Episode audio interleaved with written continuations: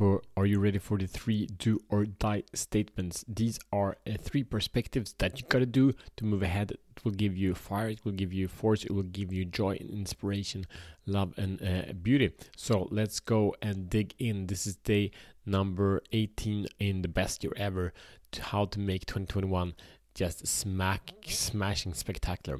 Welcome to Show the Fuck Up podcast. My name is Matt Fyron, and this show is for men that are ready to free themselves from the prison of playing small and unleash personal greatness. Let's go. Let's dig in. Let's stay awesome. That's why you're here, right? So uh, what we're gonna do go over three different perspectives that you gotta do. You just gotta do this. You gotta just gotta show the fuck up to these three things to move ahead, to get inspiration. And uh, so check back. We've been building this up. This is episode no, number eighteen on how to create the best year ever. Go to the from day one, the day one on twenty twenty one. Build from that day because that's building momentum for where we are, where we're gonna go. It's gonna stay stay awesome. It's gonna be awesome. Gonna level up. That's what we do. Okay, so three statements. Number one if you don't go after what you want, you never get it. Simple, straight on, right? Uh, so, are you actually moving in direction? Are you actually taking massive action in the direction you want to go?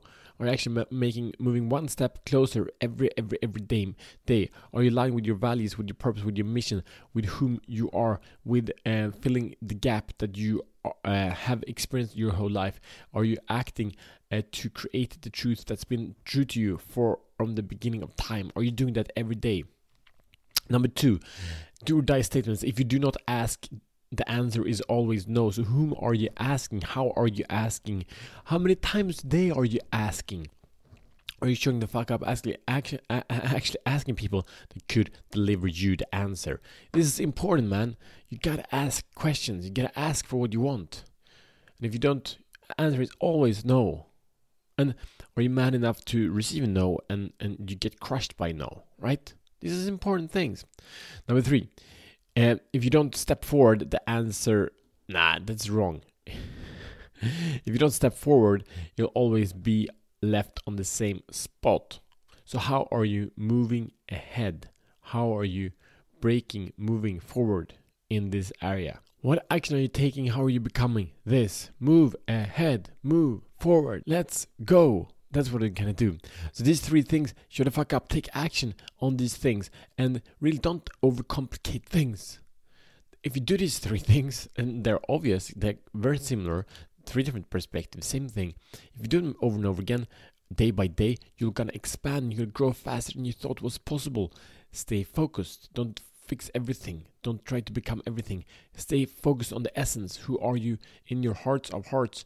What is the the goal, the the main, the chief aim? I just heard um, Dr. Demartini quote um, Napoleon Hill. Yes, that's who he quoted, and he, he called it chief aim. Or, or you continue focus on the things that's always been true to you. Do that day by day, night by night. Let's go. Um, so your mission should you choose to accept it is to take action. It's to do these three things. Is to go after what you want. It is to ask questions over and over again. It is to step forward. Let's go uh, share this episode with a man who's ready to free himself from the prison of playing small. And i see you tomorrow as better man